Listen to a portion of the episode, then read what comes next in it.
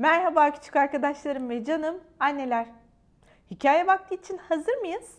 Pijamalarımızı giydik mi? O halde annelerimiz çaylarını kahvelerini alsınlar. Küçük arkadaşlarım yataklarına uzanıp kendilerini sessiz moda alıp ışıklarını hafifçe kıssınlar.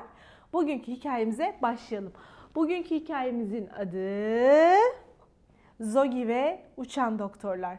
Hikayemizin üç kahramanı var. Biri uçan ejderha Zogi, diğeri Doktor Civan Çelebi ve onun yardımcısı Prenses İnci. O da bir doktor. Haydi başlayalım hikayemize. Hatırladın mı uçan doktorları? Bir şövalye, bir kız ve bir ejderha kurdu bu ekibi.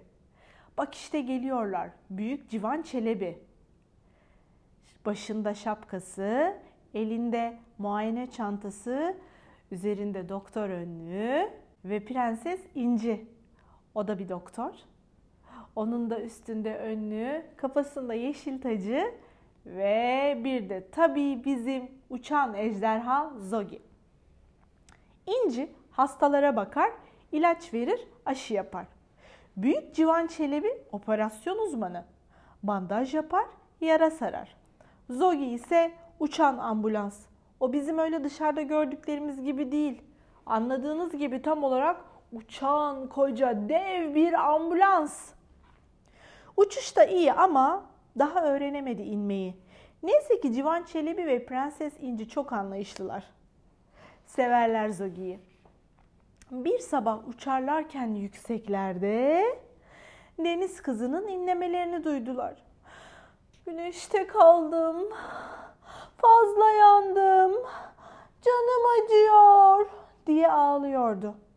Pullu kuyruğunu kırbaç gibi sallayıp şaklata şaklata.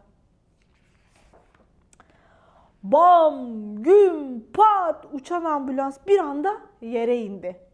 Kıpkırmızı olmuştu deniz kızının cildi. Özel bir krem sürdü ona inci. Bir de şu şapkayı tak hemen dedi. Uçan doktorlar hızla havalanıp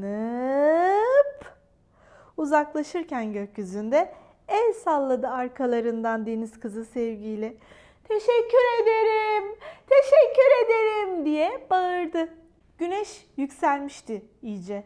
Öğle vaktiydi. Bir tek boynuz gördüler ormanın içinde. Yeri eşiyordu, kişneyip duruyordu. İkinci bir boynuzum çıktı. İkinci bir boynuzum çıktı diye ağlıyordu. Bam, güm, pat, çat uçan ambulans yere indi. Yardım edeceğim sana dedi Civan Çelebi. Ve hiç acıtmadan ikinci boynuzunu kesti. Tek boynuz buna çok sevindi. Ne kadar iyi tedavi ettin beni teşekkür ederim dedi neşeyle. Uçan doktorlar hızla havalanıp uzaklaştılar gökyüzünde. Gün ikindiye doğru ilerlerken bir aslanın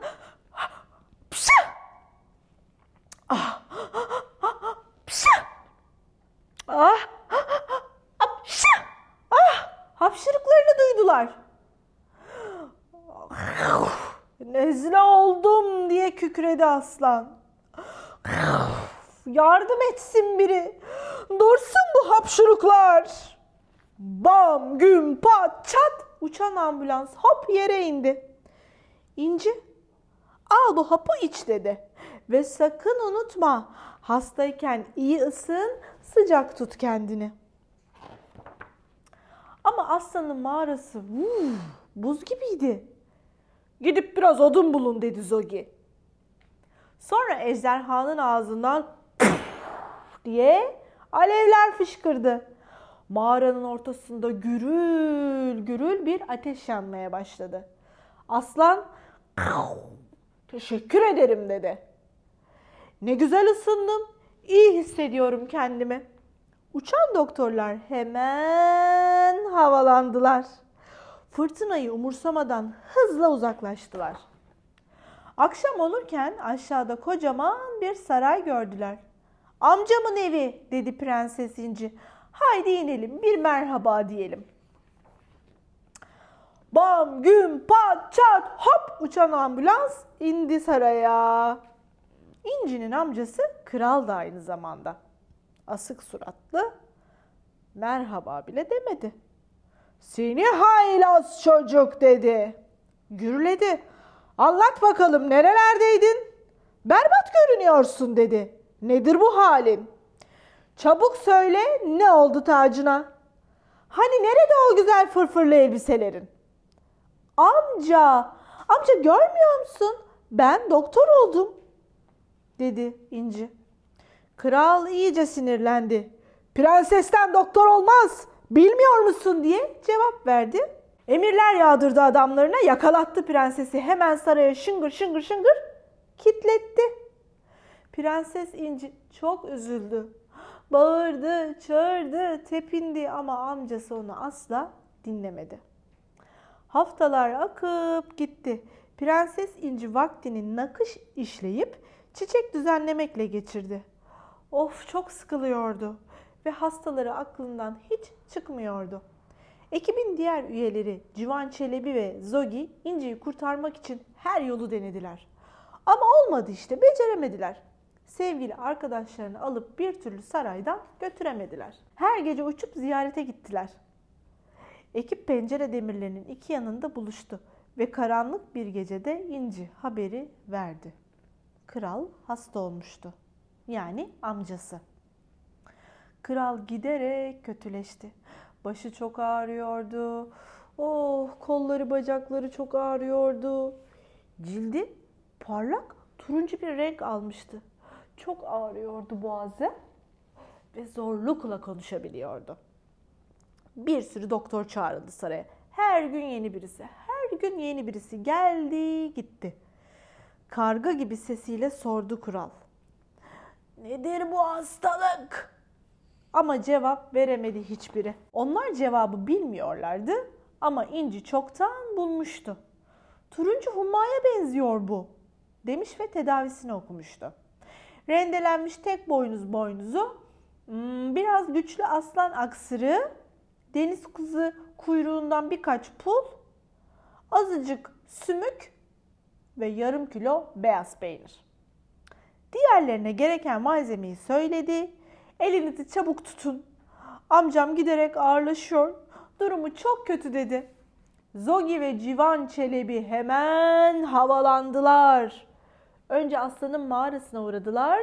Hemen ondan bir tutam hapşuruk aldılar. Oradan ormana uçtular. Unutmamıştı yaptıkları iyiliği tek boynuz. Çok sevindi yardım edebileceğine. Bizimkilerin yanındaydı artık kesik boynuz. Uçtular hemen deniz kızının kayasına.